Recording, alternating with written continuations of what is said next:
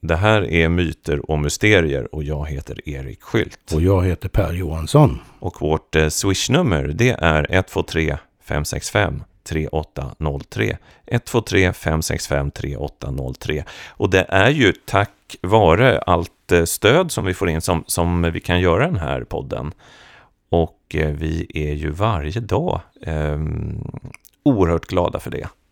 Nu har vi kört det här upplägget i, i ett år och det var inte säkert att det skulle funka. Men eh, nu känner vi att nej, men det gör ju det. Och det är eh, tack vare er som, som har stöttat oss på olika sätt. Man kan ju också bli en Patreon-givare eh, via patreon.com och så hittar man myter och mysterier där.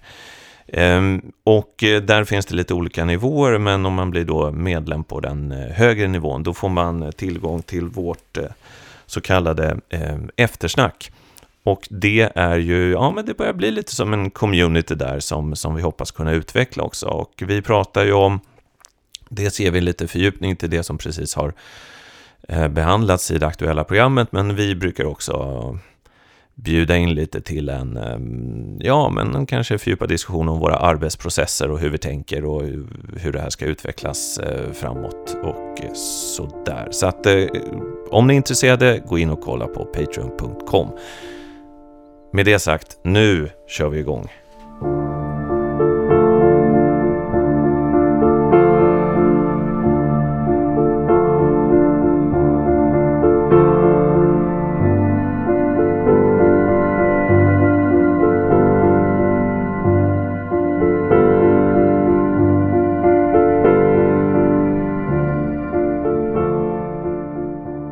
Var några saker som jag kom att tänka på efter inspelningen av vårt förra program. Och eh, egentligen dök några av de här sakerna upp i huvudet redan då, men eh, vi hade kommit så långt då så att jag, jag tittade på klockan och så kände jag att nej, jag får vänta med det här. Alltså om jag tar upp det här nu, då kommer det här avsnittet bli en och en halv timme till. Och det, det, det vore lite det skulle bli lite för långt helt enkelt. Eh, det gör ju också att det har gått två veckor nu och eh, några av de här sakerna har, har hunnit landa hos mig. Det var ju det var ett väldigt intressant avsnitt. Alltså jag tror att eh, mycket av det vi har gjort har varit på så sätt att, vad ska man säga,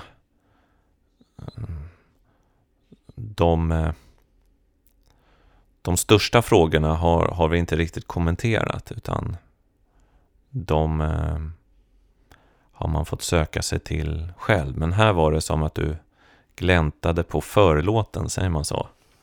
Vi fick liksom en, en inblick i, i, i en en ganska avancerad kosmologi Eh, Eh, jag ställde ju frågan där om hur du såg på Jesus och du var ganska tydlig med att Jesus och Gud för dig är inte samma. Eh, och sen så eh, pratade vi kort om, om det som jag då benämnde som längtan efter Gud kanske och då så sa du att det här är en längtan efter en viloplats. Och sen så pratade vi också om reinkarnation.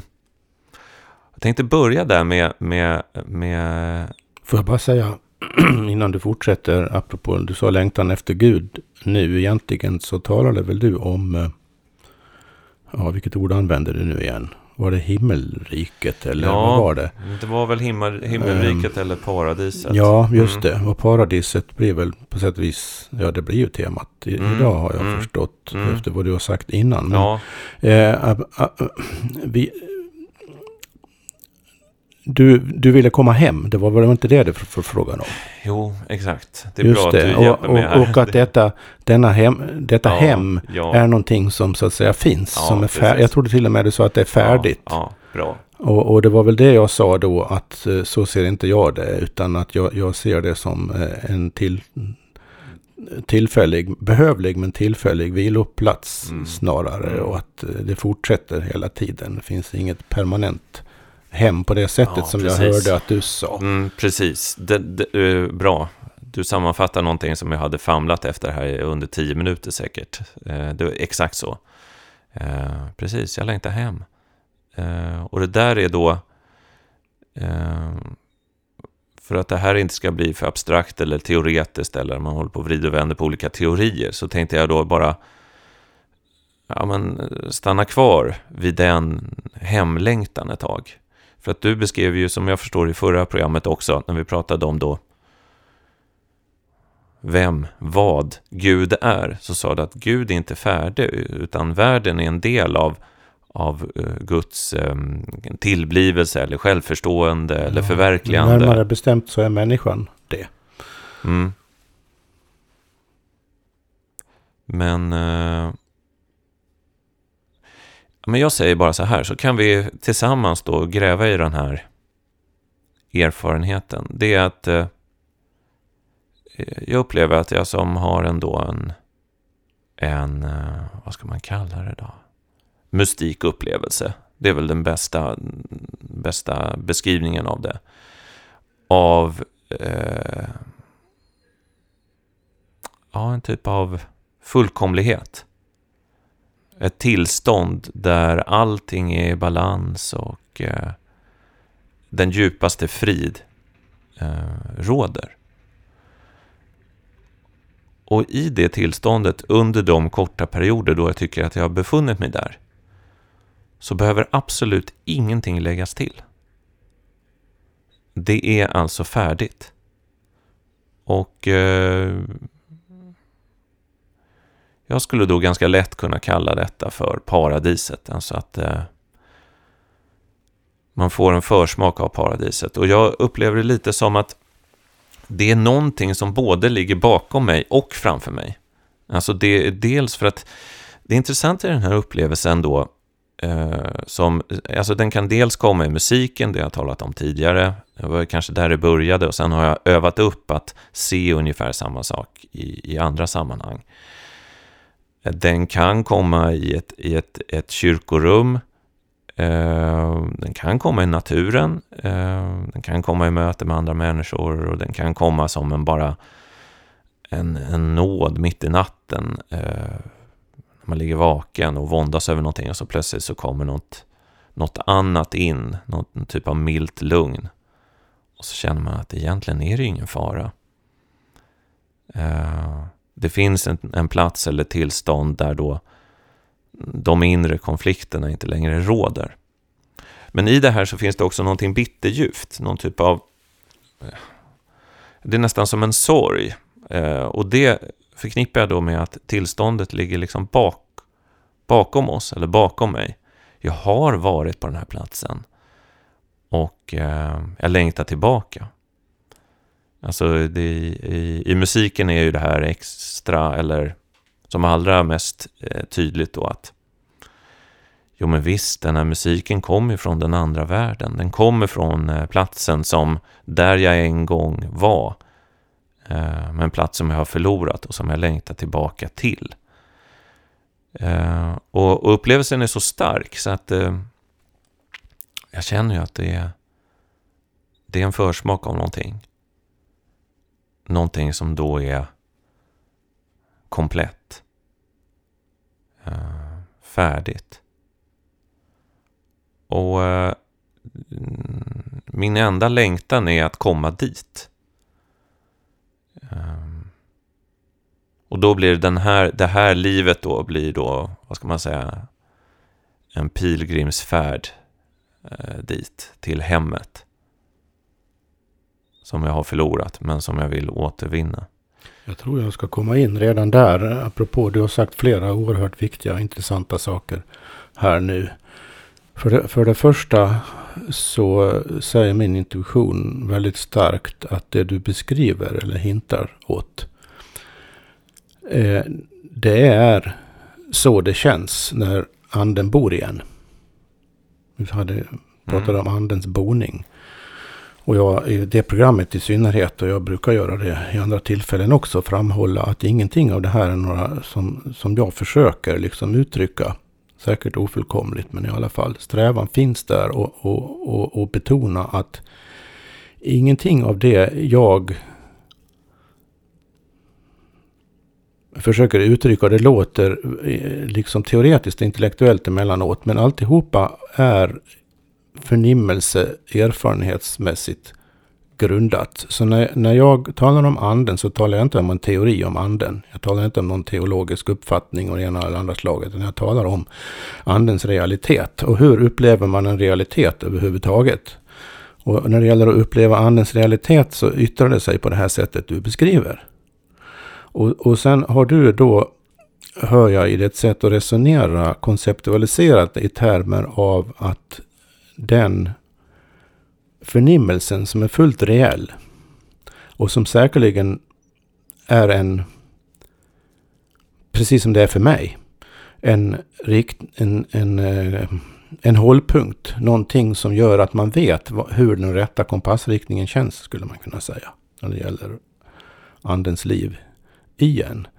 Och man, man vet också att man lever inte varje minut i det tillståndet. Och, och, och så, säger du, så talar du om det också i, eh, i termer av en sorg. Att det är någonting som egentligen som ligger i det, för, i det förflutna då på något sätt. Mm, både och. Alltså det är någonting... Ja, men så sa du också ja. att det är någonting som ligger, äh, ligger framåt också. Ja. Jag, och jag är helt med på det där. Det ligger i det förflutna och det ligger framåt. Jag tänkte får säkert tillfälle att gå in på det lite närmare strax. Men jag vill bara kommentera själva erfarenheten här nu. Att det är, man kan om man, det här är väl en sorts allmän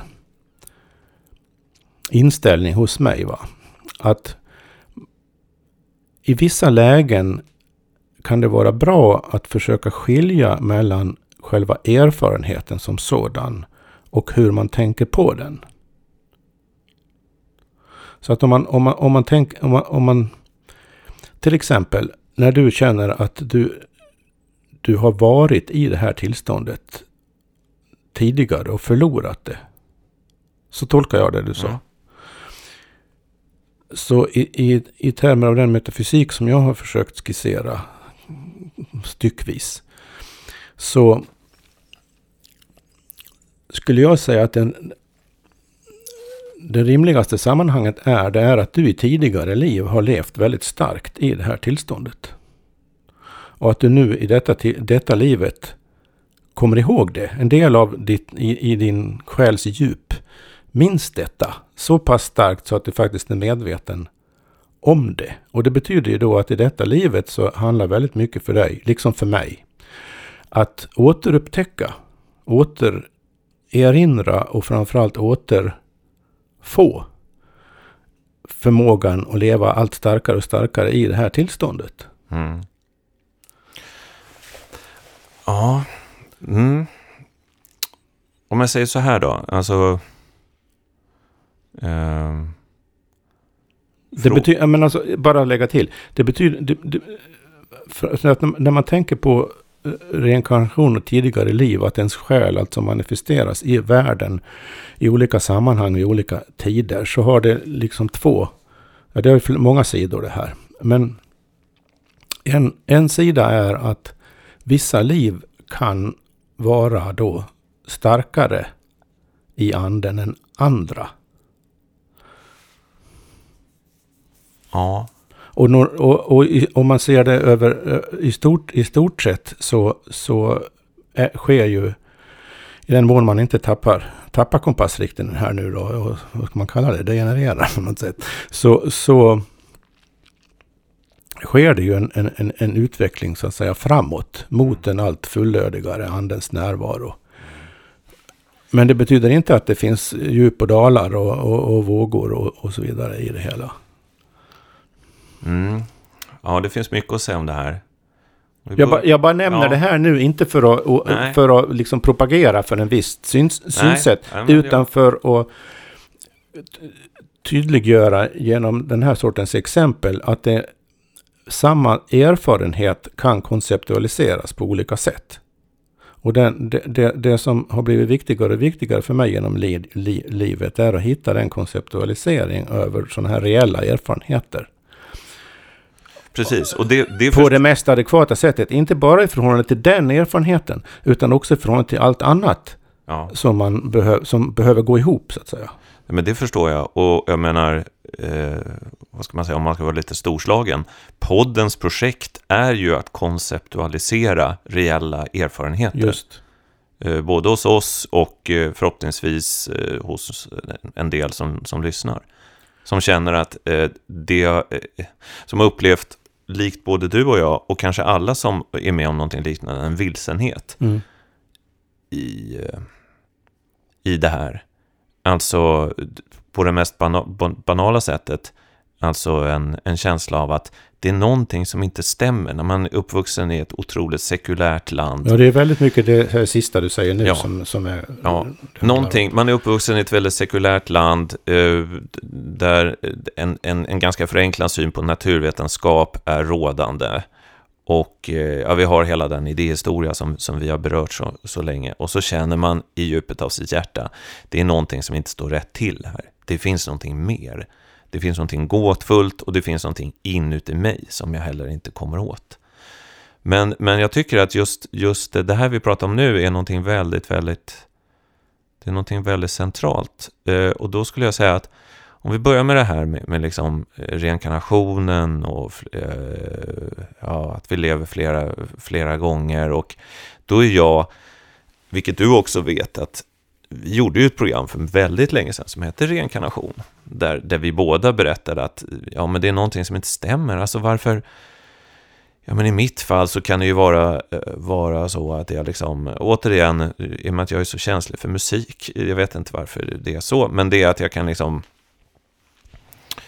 vissa toner kan liksom direkt föra mig till ett tillstånd som, som är en, en djup hemkomst.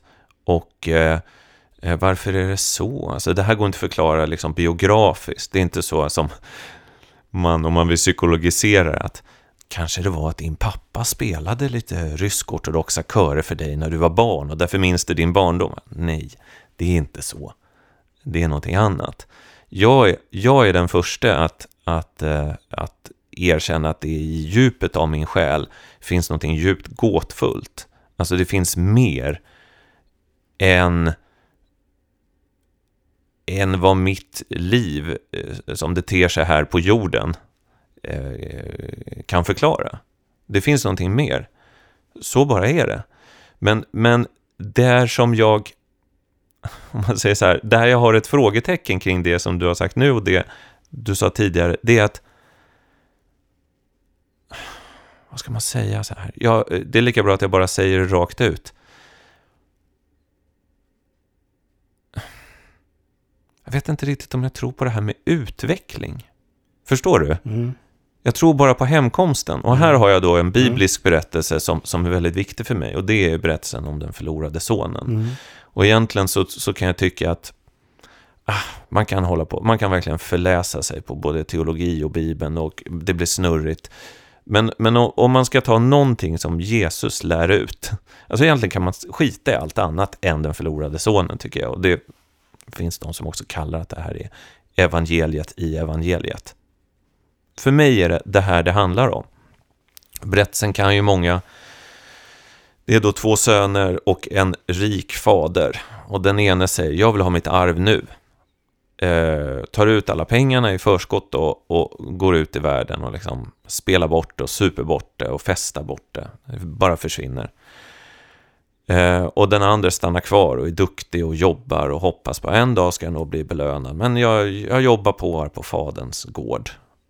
Och sen så, så finns då den, den förlorade sonen som är ute i världen som vaknar upp i rännstenen. Han får liksom äta grisars, grisars föda och det är riktigt eländigt. Och då sker en omvändelse. Han inser att han har gjort fel och att han längtar hem. Och han söker sig då tillbaka till hemmet och till fadern. Och eh, det som då sker att redan på håll se då fadern, sin förlorade son då, som varit ute i världen och misslyckats, komma tillbaka. Och han blir så glad så att han springer emot honom. Och eh, omfamnar honom och säger att Nej, men du är tillbaka, nu är det fest. Eh, då, då står den andra sonen där sur och bara, men vänta nu, jag har ju varit här och jobbat. Eh, han har ju bara, han har ju bara slösat bort allting. Ska han bli belönad med en stor fest nu? Ja, men säger fadern, och det, det är inget att sura över. Din, så, din, din bror var, var förlorad och nu är han återfunnen. Det ska vi glädjas åt. Och det som finns då i den här berättelsen, som jag ser det, är någonting otroligt radikalt. Det är, och jag använder nu en, en teologisk term, men den, i min konceptualisering så har den varit, varit nödvändig. Och det är då det som man skulle kunna kalla för nåden. Mm. Alltså har, har den här förlorade sonen då, har han, har han gjort sig liksom förtjänt av den här festen när han kommer tillbaka? Ah, det har han väl inte riktigt. Han har ju slösat bort allting. Han, han har verkligen misskött sig. Alltså, vem vet vad han har gjort på de här resorna? Han kanske gått, Eh, begått förfärliga brott. Alltså någonting eh, vet vi i alla fall att han, han, han e-, erkänner sig själv besegrad. Liksom, att det här, jag klarade inte av det här, det blev inget bra. Jag behöver komma hem. Och han möts då inte av något straff eller, eller liksom några förebrådelser, utan av en stor fest. Och eh, för mig har det då varit viktigt att jag har länge tänkt, eller jag har länge känt mig som sonen som var hemma. Alltså den som varit duktig och gjort som man ska och varit skötsam. Och det, det där rimmar rätt väl med hur mitt liv har sett ut. Jag har gjort ungefär det man ska, försökt vara duktig, eh, jag har inte gjort så mycket fel eh, vid, vid, en, vid en ytlig analys i alla fall. Eh, och det där kanske ledde fram till någon typ av, av, av eh, något förstelnat i mig och, och kanske också en bitterhet. Särskilt när jag såg andra som bara liksom lekte. Men så insåg jag att nej men jag är också den förlorade sonen. Det, det, jag är ju det. Och jag längtar hem. Och tänk om jag också får komma hem.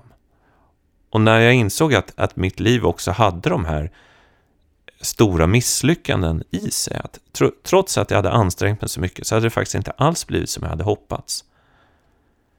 Eh, och att det inte var vad jag presterade som var liksom grejen. Utan det fanns då, trots att jag inte riktigt hade gjort som jag borde, så kunde jag få komma tillbaka.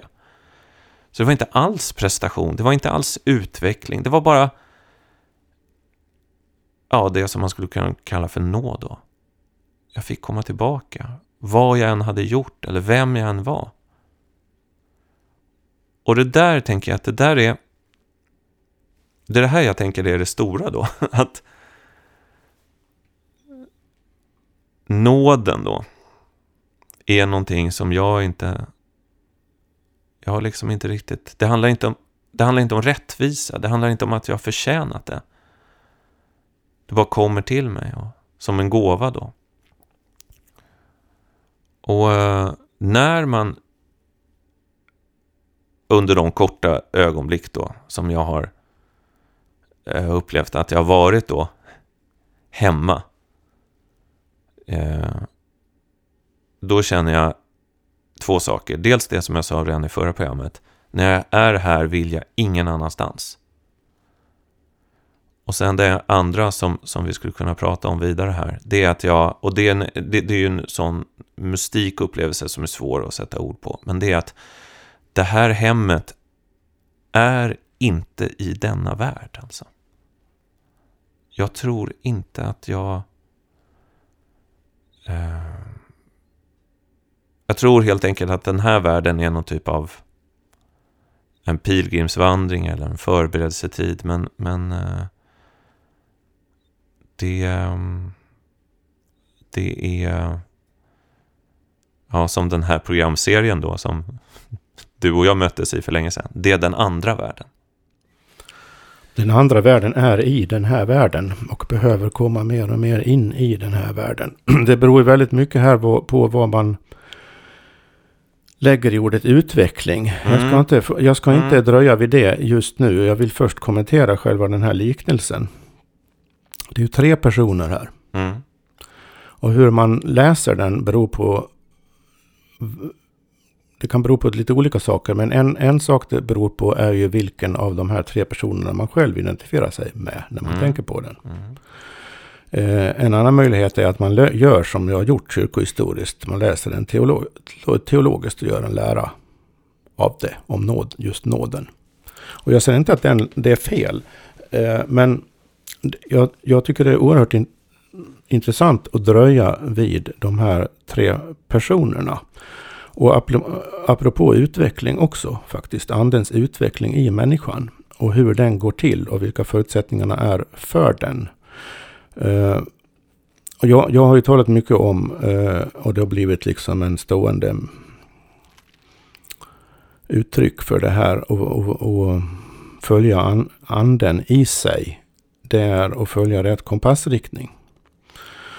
Och hur gör man det? Jo, det gör man genom urskiljning, har jag sagt. Man gör det genom att vara uppmärksam på vilka andar som är verksamma i en. Och hur, hur yttrar de sig? Och de yttrar sig genom olika emotioner.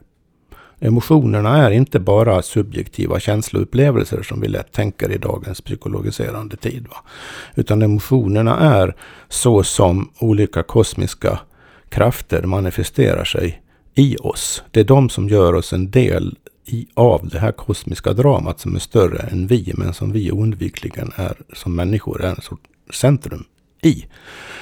Och om, om, om vi då tittar på de här tre personerna utifrån det perspektivet, vilka emotioner som utspelar sig i dem. Och sen ställer frågan, varför erfar de de emotionerna? Varför agerar de utifrån de emotionerna? Vad är det som gör det möjligt för dem att agera som fadern, som den förlorade sonen, så som den hemmavarande sonen?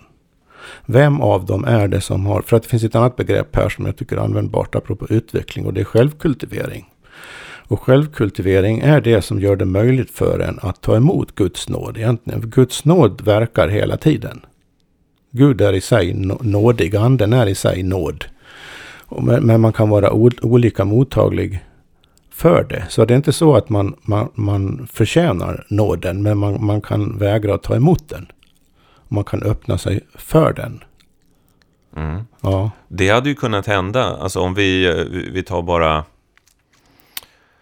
eh, ett extremexempel bortom mig själv då. Alltså väldigt många har ju en sån djup kris i, i sitt liv där man liksom vaknar upp i rännstenen. Men, men man kan ju också gå åt andra hållet och tänka, jag får aldrig komma tillbaka, det är kört, det är över.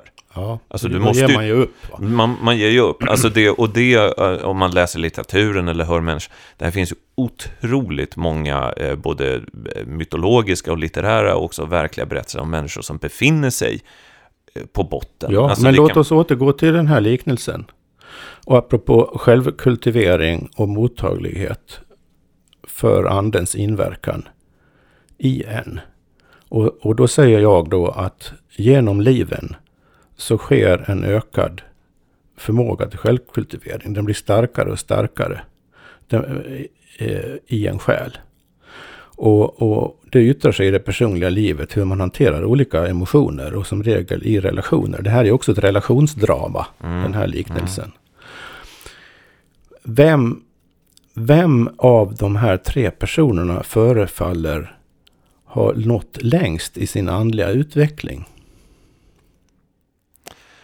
Ja, det, det måste ju vara fadern Ja. förstås.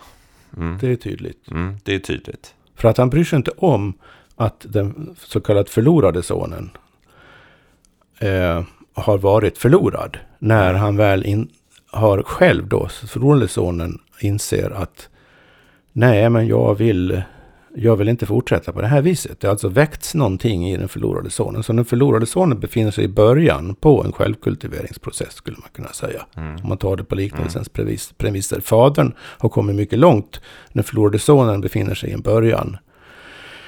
Den hemmavarande sonen avslöjar i och med att han blir bitter att han egentligen inte ännu har vaknat upp tillräckligt för att förstå vad det egentligen är frågan om här. Han tror att bara man följer yttre bud i princip Mm. så, Ja, så, visst. så, så Visst. får man Guds nåd. Ja, Precis det som Jesus och Pa- och Paulus kritiserar ja fariseerna för. Ja.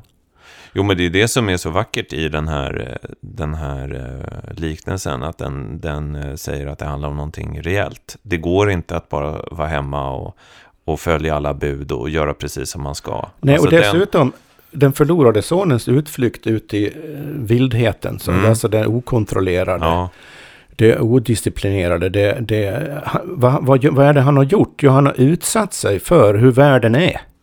Han har, har liksom levt sig in i Mm. alla världens alla olika sidor. Han har upplevt världens alla olika sidor, de positiva och de negativa. Mm, Och det har mm. blivit bara mer och mer negativt för att han, han har inte fram till en viss punkt egentligen inte utövat någon större urskiljning. Men rätt vad det är så inser han på, som grund för mm, alla liksom sammelsurium av erfarenheter han har gjort.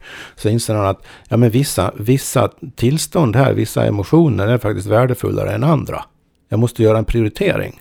mm, Och när han väl gör den prioriteringen så kliver han så att säga av den här eh, degenerationsprocessen. Han, han kliver av, eller man kan inte säga att det är en degenerationsprocess heller. Han, han, han inser att han är inbegripen i en process som innebär att han behöver vakna upp och utvecklas i en annan riktning. Han kan inte bara liksom hålla på och följa den ena impulsen efter den andra. Och det, det är det första steget då mot, mm, mot andlig insikt mm. urskiljning, pri- prioritering. Och när han väl inser det så, så oj. För att han... I, I det ögonblicket så inser han också, för han minns hur det var när han var hemma. Han minns fadern, hur pappan var. Mm. Ja, men han tar ju, samtidigt tar han ju en risk, för han har inte testat fadern Ja. eh, på den här nivån. Nej, men nej. det skulle ju men, kunna vara så att han, eh, men han är ju också så pass utsatt att han inte har så mycket annat val. Alltså han kommer Nej. gå under Nej. eller behöver komma hem. Och fadern i sin tur då kan man mycket väl tänka sig har genomgått samma process som den förlorade sonen tidigare. Och dragit, lärt sig av det. Det. Därför har, har han den här stabiliteten. Och, och kan både förlåta och framförallt glädjas. Det finns ingenting som glädjer en andens människa så på djupet. Så oerhört starkt. Som när en annan människa tar ett steg i den riktningen. Mm. Det finns en spännande detalj där som jag hörde från en bibelforskare. Det står ju då i, i, i, eh, den här liknelsen att eh, fadern eh, blir så glad att han börjar springa mot sonen Ja, och omfamna. Och enligt liksom eh, det, vad ska man säga, det judiska livet på den tiden, att om du var liksom en respekterad herre så sprang du aldrig. mm, mm. Det var liksom, det gjorde man inte. Mm. Ja, Det- det- detalj. Ja, precis. Att, för att, att, att du skulle börja springa som en gammal man, det skulle Ja. då visa liksom allt för mycket av ditt inre, dina emotioner. Liksom. Så okontrollerad var man inte. Men det säger ju också någonting om hur anden, anden verkar då. Ja, visst, visst. Men, ah, vad ska jag säga?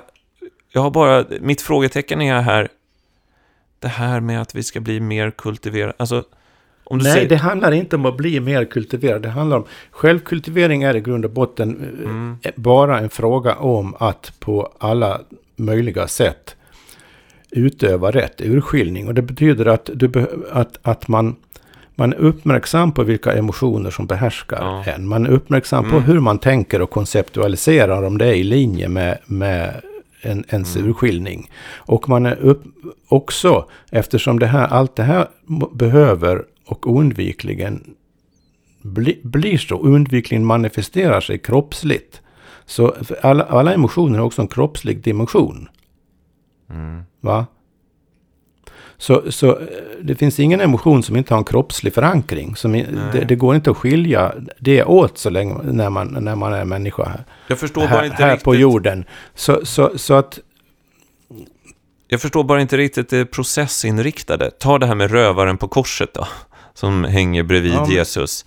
Bara som en kort, kort uh, Men det- utvikning här. Ja, men det är ingen utvikning. Jag tänkte faktiskt, jag har faktiskt noterat, noterat Ja. det inför idag, Ja. när vi, som när det var på temat, apropå temat paradiset. Ja, Så jag tänkte vi kan komma, komma till det strax. ja men det, det kan vi göra. Men där kan man ju säga att han, han, eh, han ser vem Jesus är och säger liksom jag vill följa dig. Det säger han ju när han hänger där på korset. Ja, Det, sker väl inte, okej, det sker en enorm andlig utveckling. ja men du vet ju inte vad han har varit i tidigare liv.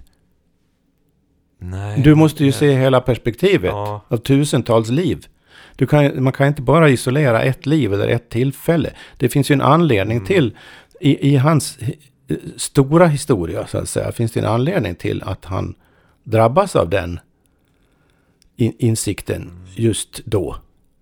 Medan den andra rövaren inte gör det. Men tänk om man bara, bara träffas av Guds nåd då? Eller hur? Tänk om det är någonting som bara kommer det kan- gratis det- det- utan, ja, ja, ja. utan ansträngning. Förstår du? Det, Ja, men det gör det ju oavsett. Det är ju inte... Det är ju det, det, är det som missuppfattas när, apropå det jag nu då kallar självkultivering. mm, Det är att det är ju inte så att man genom självkultivering framkallar nåden. Utan det är självkultiveringen som gör det möjligt för en att ta emot den. Och nåd kan ju också komma ur det blå.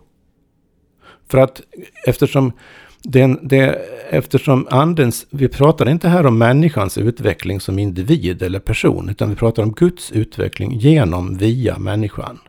Så att det är Gud som blir mer, mer och mer medveten om sig själv. Anden blir mer och mer medveten, manifesterad. Eller mer och mer medveten om sig själv i människan, via människan. Det är människan som lär anden vad världen är, vad, vad andens potential är. Utan människans bristande eller större boende i anden här i världen. Utan, utan det så, så, så kan inte anden veta. Alltså det är hela tiden ett motstånd här. Och det, det är det motståndet. Det, självkultivering handlar väldigt mycket om att kunna utöva andens motstånd mot det som så att säga kväser eller hindrar eller skymmer mm. anden. Men det är, inte, det är inte självkultiveringen i sig som åstadkommer andens närvaro. Men bara för att göra det väldigt konkret då. Är då målet för hela den här processen eh, eh, paradiset på jorden? Alltså, förstår du? Alltså, det finns inget mål egentligen, men det finns ett, ett, en, en riktning. Och riktningen går ju åt det hållet, paradiset på jorden, ja. Och det är det jag tänkte jag skulle kommentera lite närmare Mm, utifrån mm. vad, hur, för att det är hur där som min då, min den här... bibliskt sett kan se på paradiset. Ja, Ja, men det är där då min, vad ska man säga, mystika erfarenhet eh, skiljer sig. Den gör nog det ändå. Alltså, jag kan inte tänka mig eh, paradiset på denna jord, utan det är liksom bortom det. Förstår du? Ja, men så här, Mm. Låt mig... Låt mig hålla en lite längre utläggning nu då om, Ja. om, om, om paradiset. Ja. Och då, nu tänker jag, nu hoppar jag över det här. Man skulle kunna prata om det idéhistoriskt och, och ordet paradis som kommer från persiskan ursprungligen och, och, och betyder någonting i stil med, med trädgård och alltihopa. Eh, jag hoppar över all, all, allt det där och går direkt på hur jag ser på innebörderna i, i eh, det bibliska perspektivet här. Och då, då, då, då, är, då är det tydligt att paradiset syftar på en annan verklighet än den som nu råder i världen. Och det stämmer ju med vad du Mm. säger, Mm. eller hur? Och, men det har två olika innebörder. Den, den ena innebörden, eller det första paradiset, det var Edens lustgård. Mm. En obesudlad värld, Ja. kan man säga. Människan som en del av naturen. Och naturen är andens manifestation, den sköna, vackra. Naturen är andens manifestation. Och i, i Edens lustgårdtillståndet så lever människan som en del av, av detta. Men det är också ett tillstånd av okunskap. För att människan är, en, är, är då inte medveten om att det finns andra krafter i spel i världen. När människan blir medveten om att det finns andra krafter i spel. Det är då urskiljningen tar sin början. Då, då tvingas människan kan man säga. När man ser att det onda kan hända. Att man själv kan avvika från det tillstånd man känner att man vill vara i. Det är ju ondskans ingång i en själv egentligen.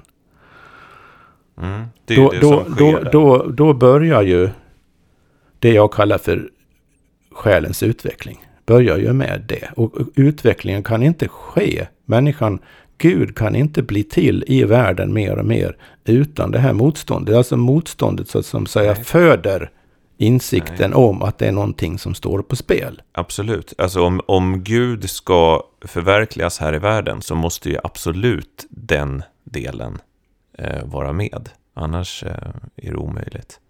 Men, eh, nej, men gå vidare då. Ja, så, så i, i linje med vad jag sagt i tidigare program då, så blir, är meningen med skapelsen är just andens utveckling och anden kan inte utvecklas utan motstånd. Och i, i, män, I människan själv, som jag sa innan nu, i oss själva då, så yttrar sig det här motståndet som olika emotioner som drar oss i olika riktningar. Vissa emotioner drar oss bort från anden, vissa andra emotioner är egentligen i sig uttryck för anden och, och drar oss till anden, för det är de emotionerna vill ha. Och ett exempel på det är ju det här du har beskrivit om det här tillståndet. Mm. Det här benådade tillståndet. Det är ju andens boende igen. Det är ju det som, att ha erfarit detta är ju det som gör det möjligt för att göra den här urskiljningen. Mm. Jag vill Absolut, peka i på. detta liv. Men, men jag, jag, jag väntar lite där. Ja.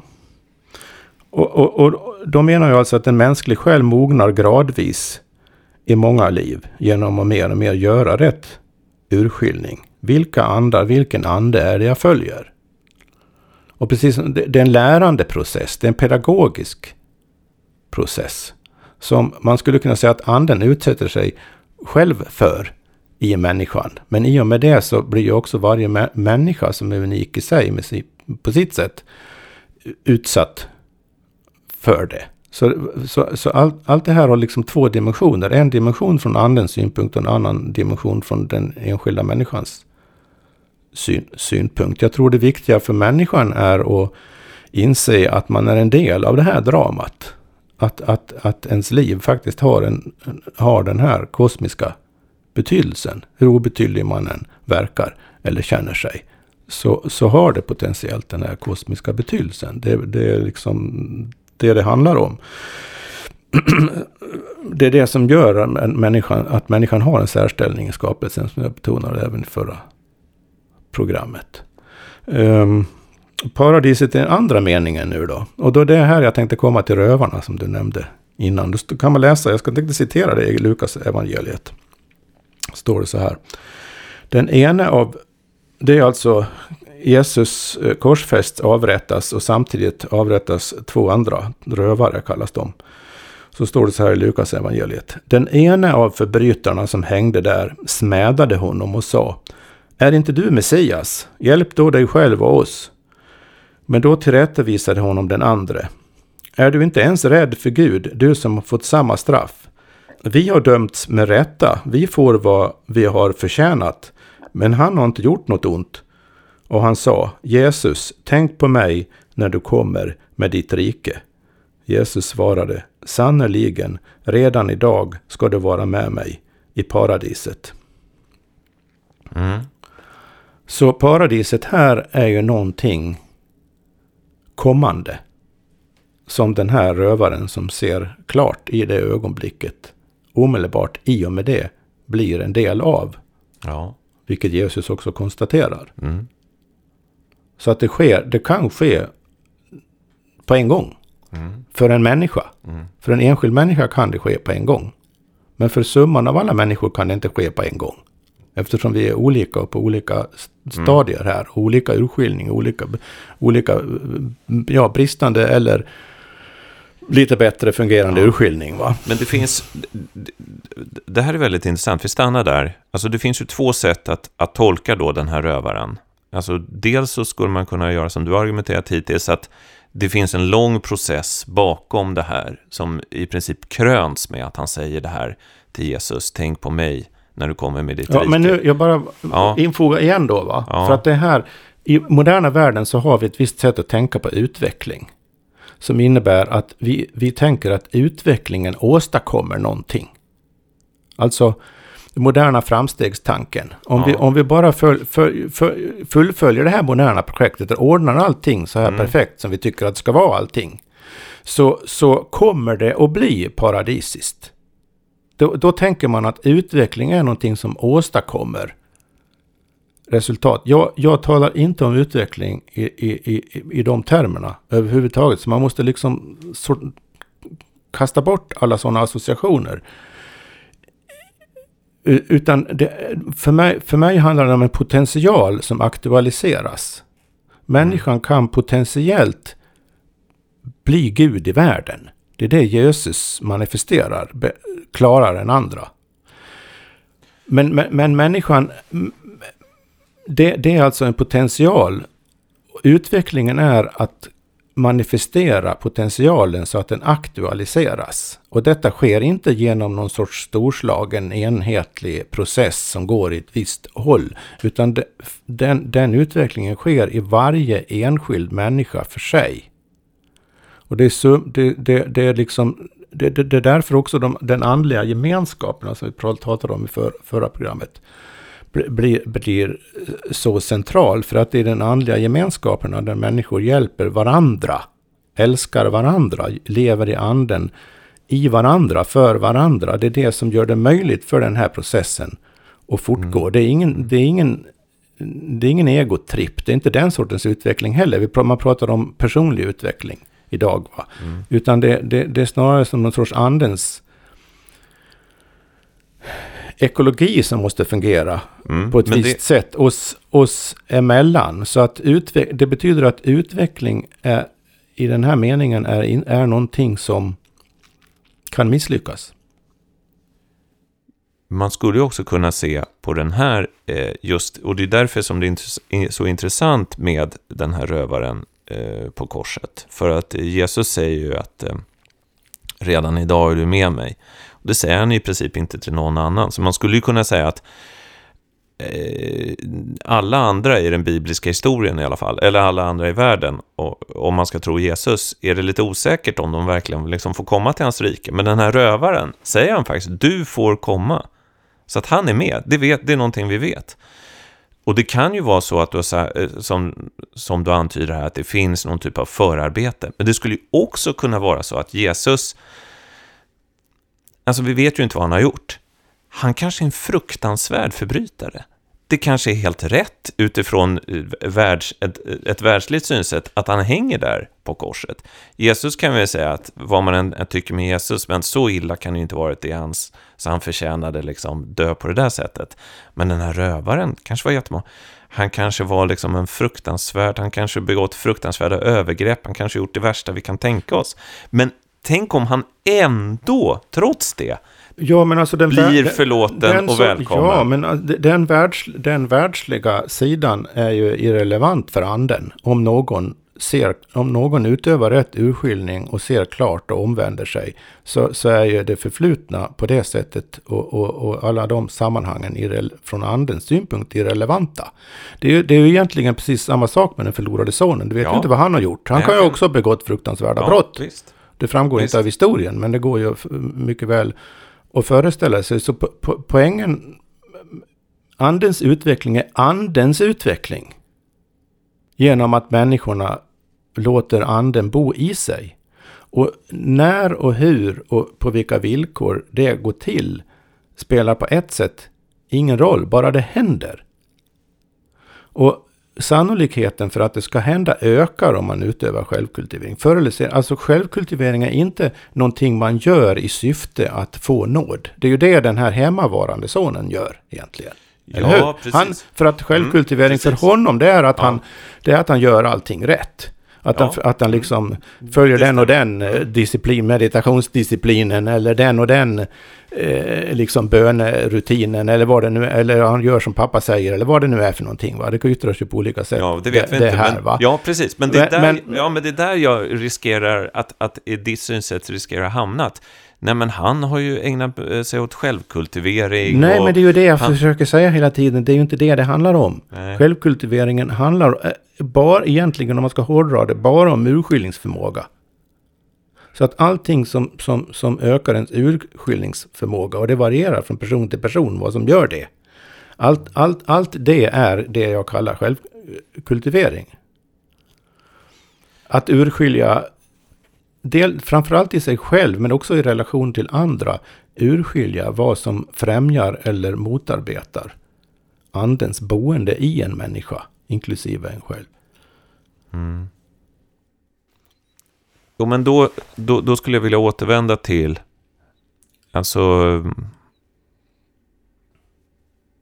den här första erfarenheten som jag ändå beskrev av paradiset. Det är att i det här tillståndet så upplever jag det fullkomliga. Och det är någonting som är... Eh, det är eh, fullkomligt. Eh, och den erfarenheten leder då till min slutsats att jag tror inte Gud behöver utvecklas. Jag har ju varit där, i det fullkomliga. Och den längtan eh, som föds i mig då är att i detta fullkomliga vill jag uppgå. Men du, du har ju ingen aning om det, det, det du har upplevt är det fullkomliga i absolut bemärkelse. Egentligen vet du bara att jämfört med hur du vanligen känner dig och, eh, så, så är det fullkomligt. Du vet att du som vanlig människa kan inte tillföra någonting till det tillståndet. Men du vet, du, du, du vet inte huruvida det skulle kunna bli ännu otroligare. Ännu, ännu mera extatiskt. Ja, men där, då, då skulle jag väl säga... Det, så, det, så, så, så, Nej, men alltså jag, jag försöker inte övertyga dig om någonting här alls. Det, det, jag, jag, jag är bara mån om att göra eh, ett annorlunda perspektiv tydligt. Va? Så paradiset, vi har lämnat ett paradis för att det händer ingenting där. Ja, alltså det, männi ja, männi vi, Gud, vi om, som, som jag ser det, så kan Gud och människan då inte utvecklas i, i, i någon sorts, i, den Edens lustgård till tillståndet. Utan det krävs motstånd för att man ska... Medvetenhet är ju en variabel här. Det är det som ligger i urskiljning också. Medvetenhet. Att, man är, att, man, att man inte är en ko va? som går och betar och är nöjd. Som alla andra djur och andra varelser. De är ju liksom nöjda med sitt liv. De har inget annat att de ja, inte jämföra vet, med. Ja, men du vet ju, och, men du vet ju, det måste jag säga, du vet ju vad, att mitt, jag har ju ett litet koideal här. Det är det som är det här med bäven som sitter och nöjd. Och där, jag kommer tillbaks till det. Jag, eh, jag, eh, jag vill ha barnets perspektiv. För det är, givetvis skulle du kunna säga syndafallet är att människan först är barn i Edens lustgård, sen kommer tonårsupproret, man drar bort från hemmet, ut i världen, blir förlorade sonen, gör djupa insikter, kommer tillbaka, visar det.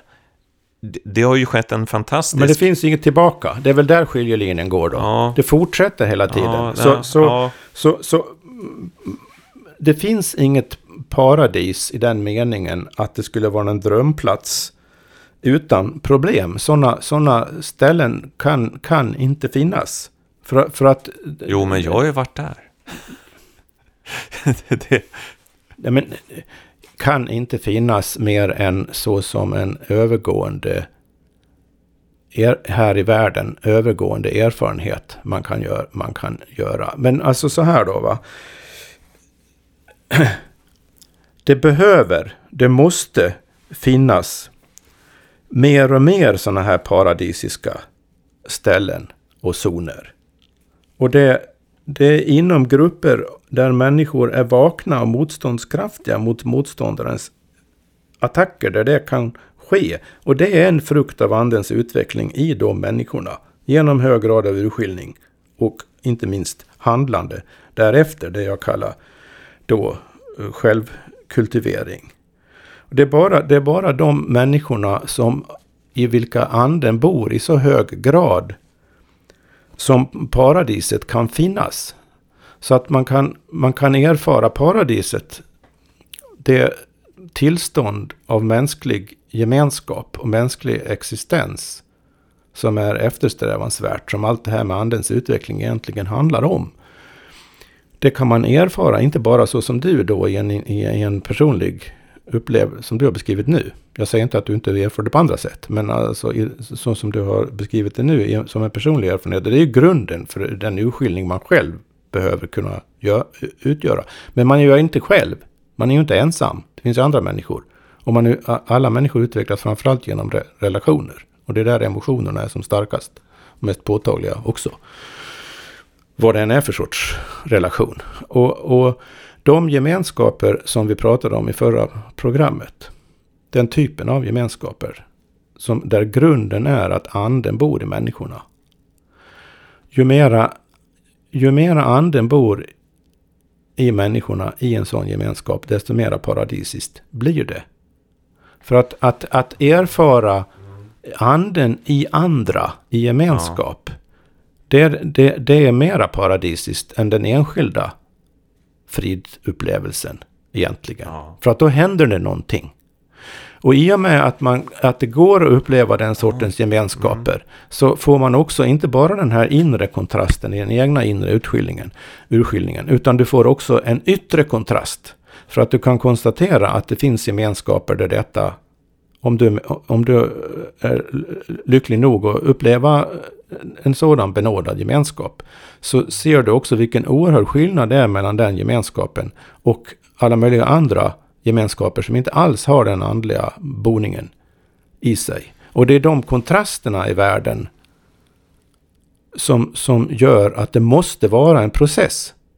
För att, att riktningen är ju hela tiden att det måste, upp, måste bildas fler och fler andens gemenskaper. Så att andens gemenskaper så att säga blir i majoritet.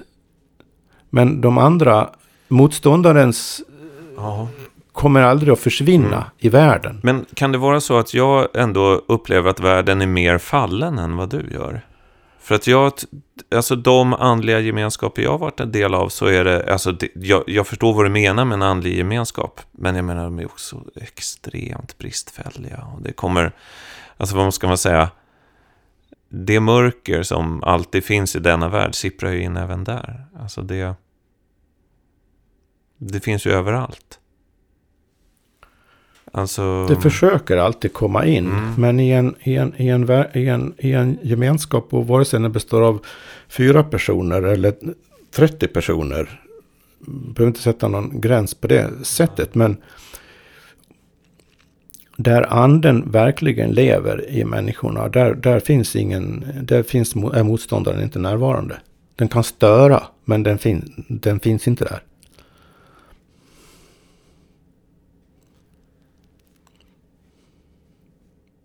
Men var det inte precis så här de första kristna kände?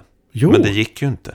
Jo, men det, det vet De det såg sig själva... Nej, nej, men de jo, såg men sig... det, det, är klart det gick. Annars, an, i, i, större eller mindre grad. Ja, Annars alltså, hade det ju inte fortsatt. Nej, nej, nej. För att det är ju exakt det som har genom historien sedan dess har inspirerat. Jo, men de fick ju hela. så mycket problem. För att det var ju så att, alltså, rent historiskt var det att vi de döpta, vi är andens gemenskap. Sen visar det att det var en massa människor som föll av hela tiden. Särskilt under förföljelserna. Som var när liksom det kom, var Roms vapenskrammel kom närmare så var det att det var inte alla som höll ut. Vissa Nej. började ju offra åt de gamla gudarna. Vad skulle man göra med de här då? Ska de vara utstötta nu? Nej, men då kommer ju liksom nåden in. Äh, men vi är inte perfekta, men alla får, folk får, får vara med ändå. Men det är exakt därför det är en process. Ja. Som hela tiden är utsatt för, för, för prövningar. Hur, hur, hur mycket anden än bor i dig här i världen, i, i dig själv eller i, i, i en gemenskap av andens människor, mm. så kommer den aldrig att vara fri från prövningar. Man, man kan, man, på, på, det sättet finns ingen, ingen, ingen, ingen, ingen vila. Nej. Så fort man slappnar på uppmärksamheten och tänker ja men det är inte så farligt. Nu, nu, nu, nu, nu trivs jag bra här i livet och känner den här djupa gemenskapen. Men motståndarna bryr sig ja. inte om det. Ja. Ja, ja, vi kommer behöva, behöva sluta nu. Men, men, men, men jag säger så här då. Jag, jag förstår vad du säger, men jag vidhåller då barnets perspektiv här. Jag orkar inte prestera. Nej, jag vill vara hos fadern. Ja, jag vill att han ska ta hand. Jag, kommer, jag har gjort mitt, att jag har rest mig ur rännstenen. Jag har gått dit. Jag, har, jag, jag är glad att det blev en fest och att gödkalven slaktades. Nu är jag inom hans beskydd. Förstår du? Jag är ja, barnet. Ja, jag, förstår, jag är barnet. Så han... kan man känna tillfälligt. Men där men... är jag lite krass då och säger att det, det är, man kan inte vara barn. Fortsätta vara, vara barn. Det går inte. Ja, men jag är krass för att jag säger att världen där ute, det kommer inte gå. Jag behöver Fadern. Jag ja, men kan... då är det jag, lite bristande, bristande tilltro till anden här. Skulle jag säga då. Det kommer inte att gå. Det klart det Ja, kommer ja, att gå. ja, jo, det kommer... Nej, ja, det, kom- kommer, det kommer inte gå utan att Fadern beskyddar mig. Ja, Jag kan inte själv nej, hålla nej, borta. det håller jag med om. Det, det är ja, det. ja, men det är ju det, det det är ju det det betyder när anden bor igen. Att man har det beskyddet. Det är därför det är så himla viktigt. Ja, och, och, och, mm. och det är det självkultiveringen handlar om också. Att, att hålla sig... Nej, men jag behöver inte kultiveras. Jag. Jo, jag är det bara hemma du. hos Fadern. Han upprätthåller det Du här kommer åt mig. aldrig att slippa att bidra själv. Nej, nej, på något sätt måste man ju det. Det Jag finns vet ingen det. Evig vet. vila. Ja, vi kan enas om att i, i detta liv i alla fall så måste man bidra. Det är klart, man kan inte bara... Man får bidra på något sätt. Men, eh, men sen ser jag fram emot vilan. Men eh, jag menar, hur ser den ut? Man, man kan ha Ja, vi, vilket... den sorts vila du talar om nu, om jag förstår det rätt, finns inte i denna världen. Nej, det, det gör den inte. Inte fullt ut. Det gör den inte. Det, det kan den ju inte göra. Däremot så behöver förutsättningarna för att den ska kunna äga rum tillräckligt mycket mellan människorna öka. Det är det arbetet för anden, striden för anden handlar om. Mm. Mm. Det är det, det, är- det, är det an, andens skapelsen är ett vågspel. Där anden utsätter sig för möjligheten att i världen misslyckas. Och förmodligen har misslyckats många gånger. Men hela tiden fortsätter. Och det är så det, jag tror vi behöver känna det som människor också. Att hur mörkt det än ser ut emellanåt. Så måste vi alltid fortsätta. Vi får aldrig ge upp. Vi, all, vi behöver alltid hålla fast vid den ande som bor i oss. Som vi har erfarit. Jo, det är klart. Och se till och, och, och kämpa för att den ska få möjlighet att bo i andra. Så att man, så att man verkligen är emot allting. Allting som hindrar människorna att, att, att leva i anden. Det finns ju massor i samhället som hela tiden konspirerar att man ska somna. Så är det ju verkligen. Verkligen. Så, så att det, det, är där, det är därför striden upphör hör aldrig. Det är en inre strid för var och en. Men det är också en yttre strid. Och, och, och vara em- emot det som, som eh, stryper anden Ja. i världen. ja. Och där är vi ju eniga. Så är det ju. Mm.